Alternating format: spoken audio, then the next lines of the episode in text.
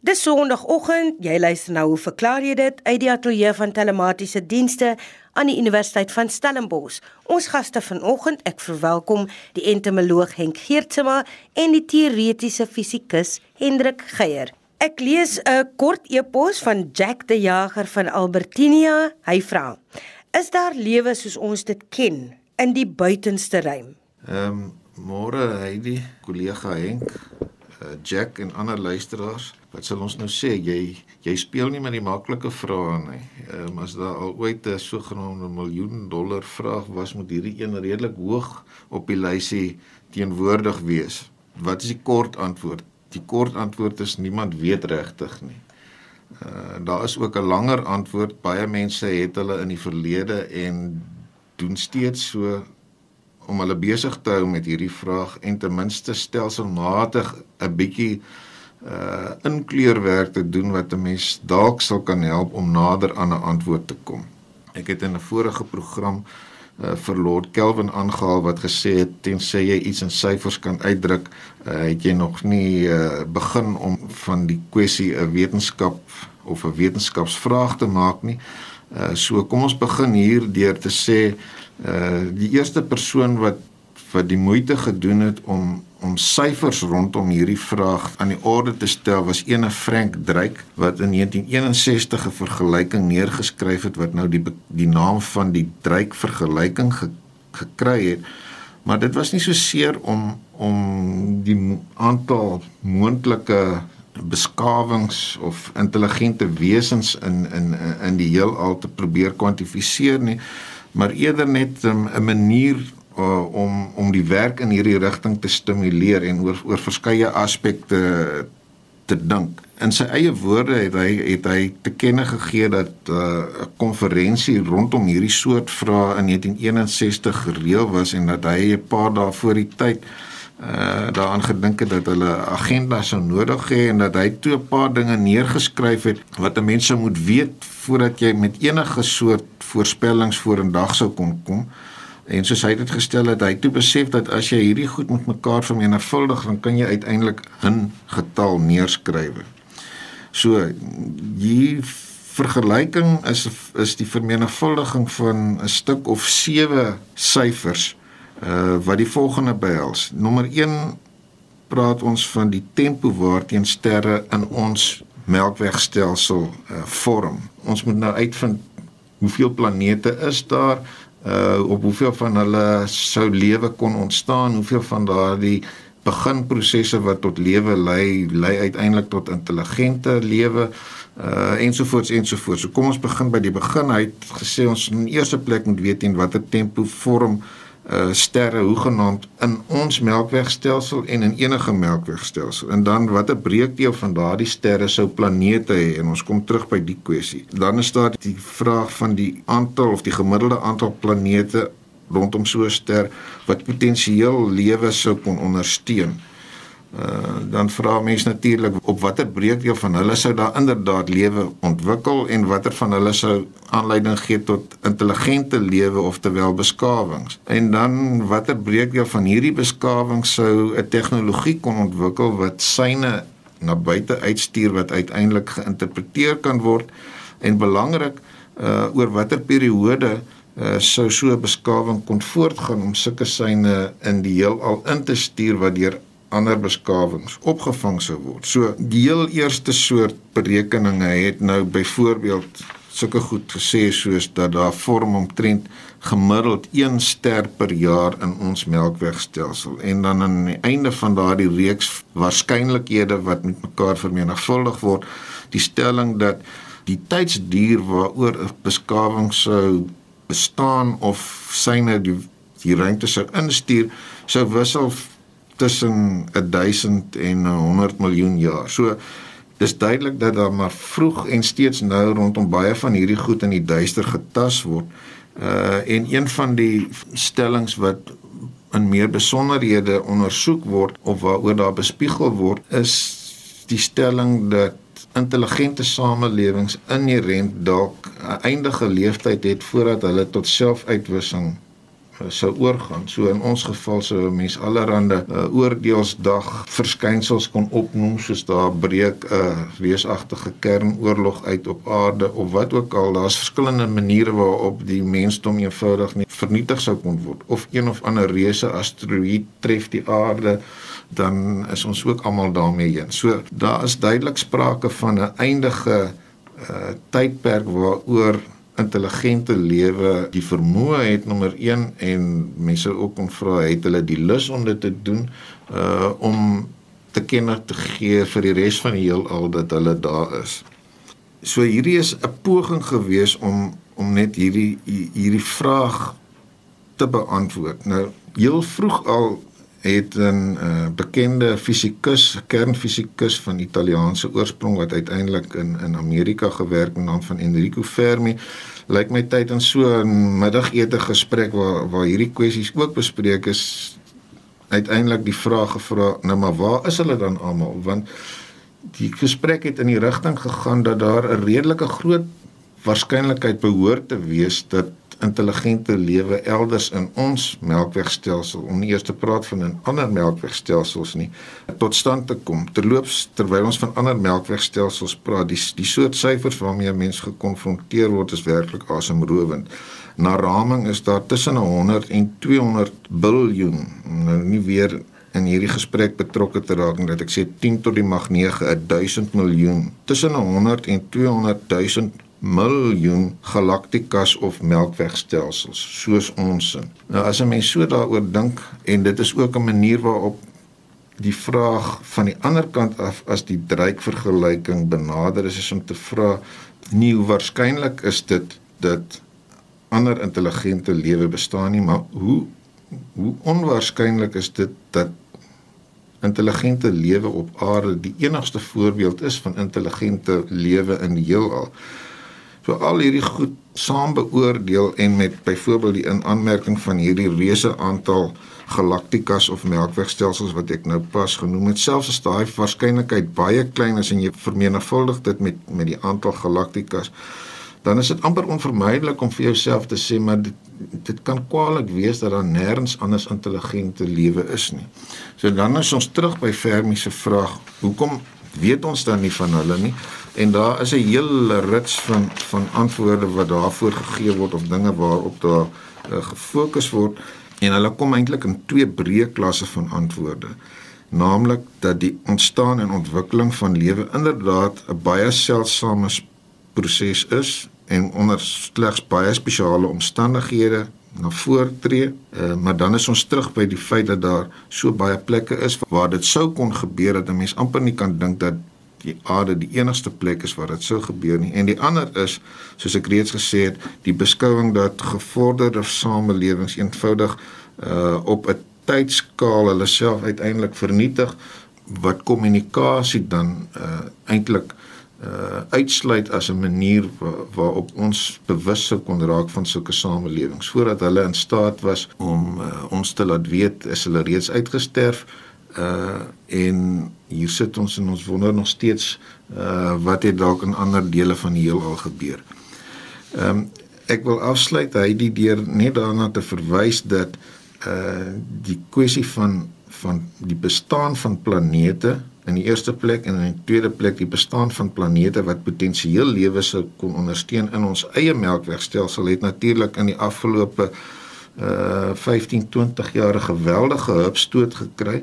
Uh soveel so dat die Nobelprys vir fisika hierdie jaar 1/11 daarvan is toegeken uh aan uh Michael Mayer en Didier Queloz wat in 1995 die eerste sogenaamde eksoplaneet dis nou planete buite ons eie sonnestelsel maar in ons Melkwegstelsel ehm um, waargeneem het. Uh die dinge die naam gekry van planeet 51 Pegasus B Uh dit het onder andere daarmee te maak dat dat hy wentel om 'n ster in die Pegasus konstellasie. Uh en ons het al in die verlede gepraat oor die manier waarop hierdie planete waargeneem word. Uh, Daar's twee tipiese maniere.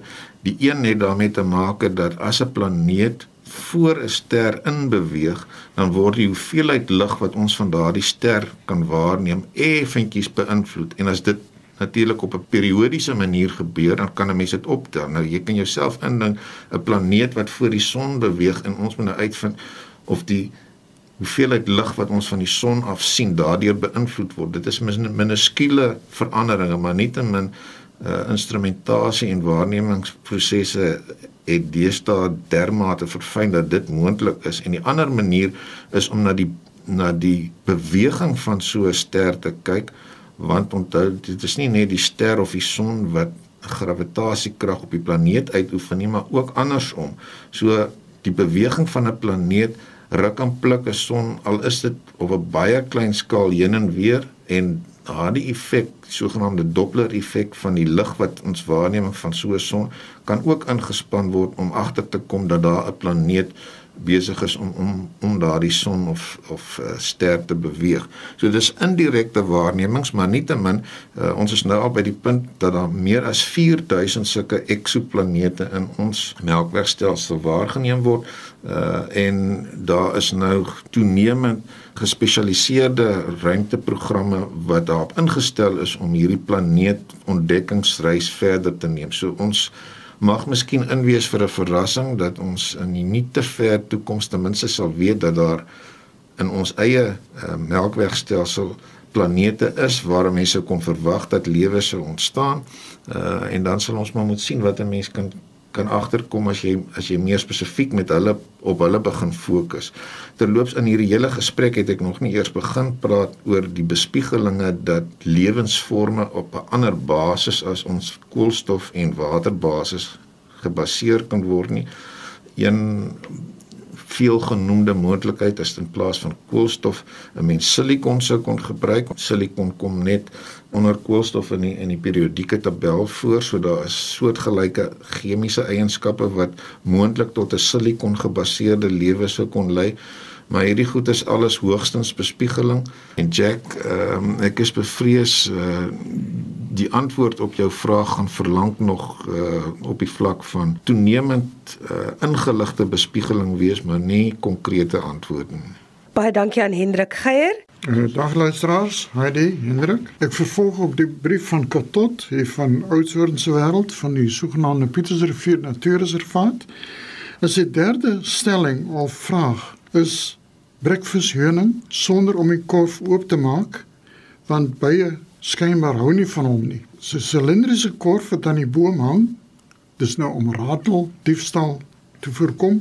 Met ander woorde, ratels vir die nes wat die korf gaan oopmaak en dan een met 'n lem aan 'n slinger in die middel van die korf opgetrek word en dan die onderste deel gedeelte van die koeke word gesny op 'n sifval wat dreineer in 'n bottel. Hier is 'n pragtige skets. In die eerste plek, as natuurlik 'n paar vrae wat ek het is hierdie hangkorf silindries of is dit vierkantig of het dit 'n bepaalde vorm? En nou as ek kan uitmaak uit die tekening uit is die wande van die korf bestaan uit spaansriet. Nou my eerste vraag is die spaansriet, is dit aaneensluitend of is daar openinge in die spaansriet want die bye moet op 'n of ander manier binne in die korf kan kom? Want in die normale korf As ek praat van normale, praat ek nou van die bokskorwe wat ons ken, is daar 'n opening en die opening is spesifiek op 'n sekere grootte om te keer dat uh baie gereguleer binne in die korf inkom. Want daar's altyd 'n paar wagters op die torings van Sion wat as die by terugkom, die bye het almal 'n spesifieke reuk van elke korf en as daar 'n vreemde by inkom, dan gaan hierdie wagters hier by of verwilder of selfs doodsteek. So wat met hierdie silindriese korf gebeur, weet ek nie.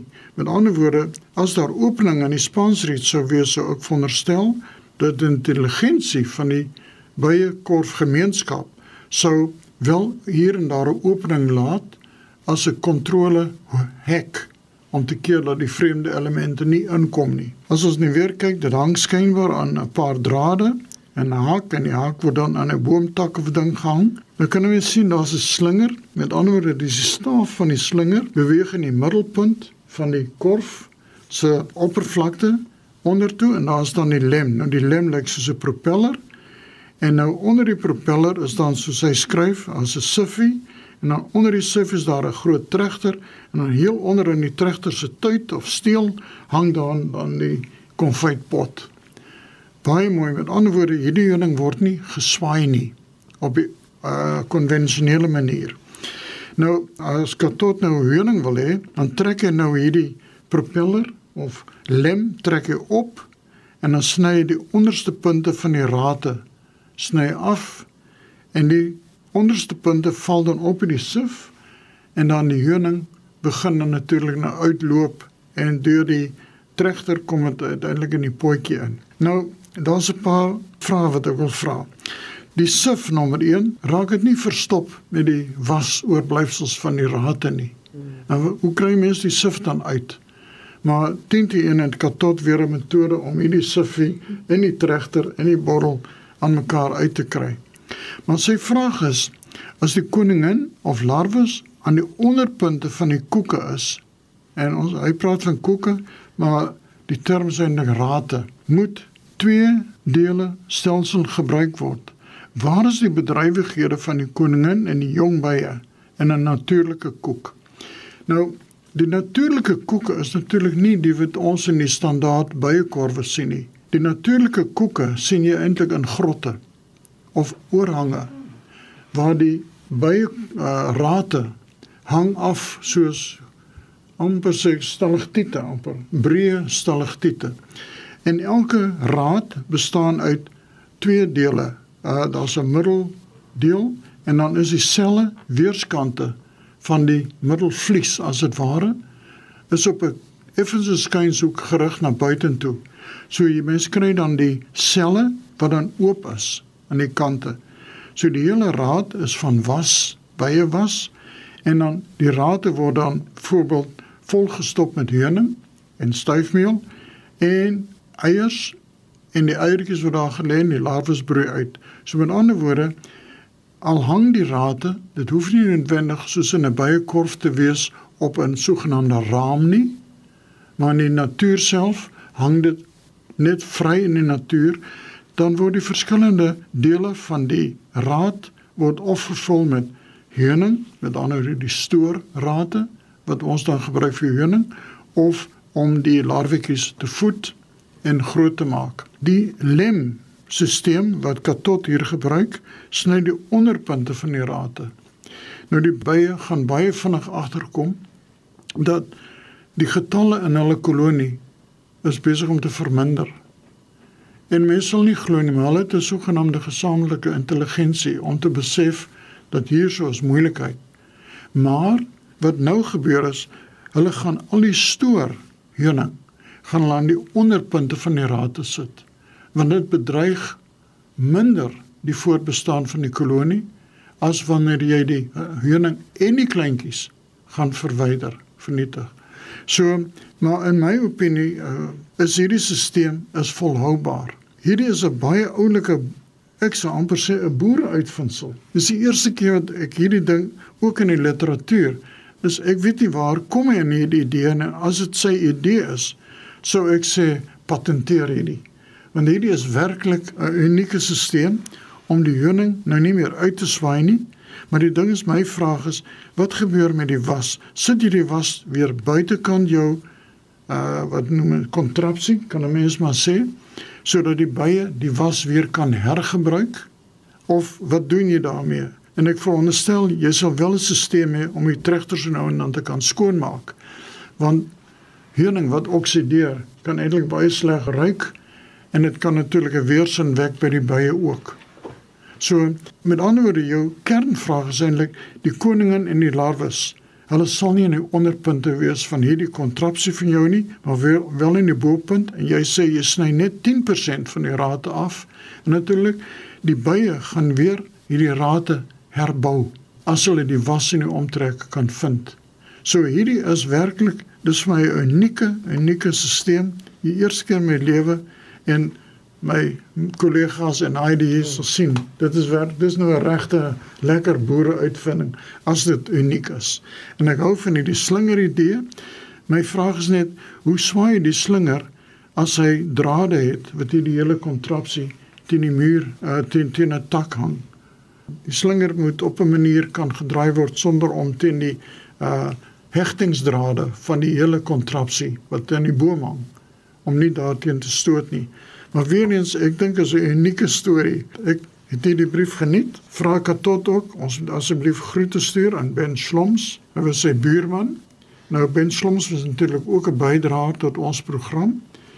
Dan Piet Elof, hy was saam in die koshuis en ek veronderstel dit is hierdie Marie koshuis, die ene wat op die hoek is. Baie dankie Katot, Ilse Meyer vir 'n baie baie amusante brief en ek geniet die brief werklik in my argiewe stoor want dit is uniek. Baie dankie.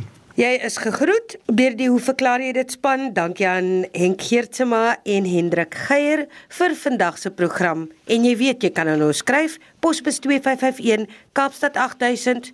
Stuur daai e-pos heidi@rsg.co.za.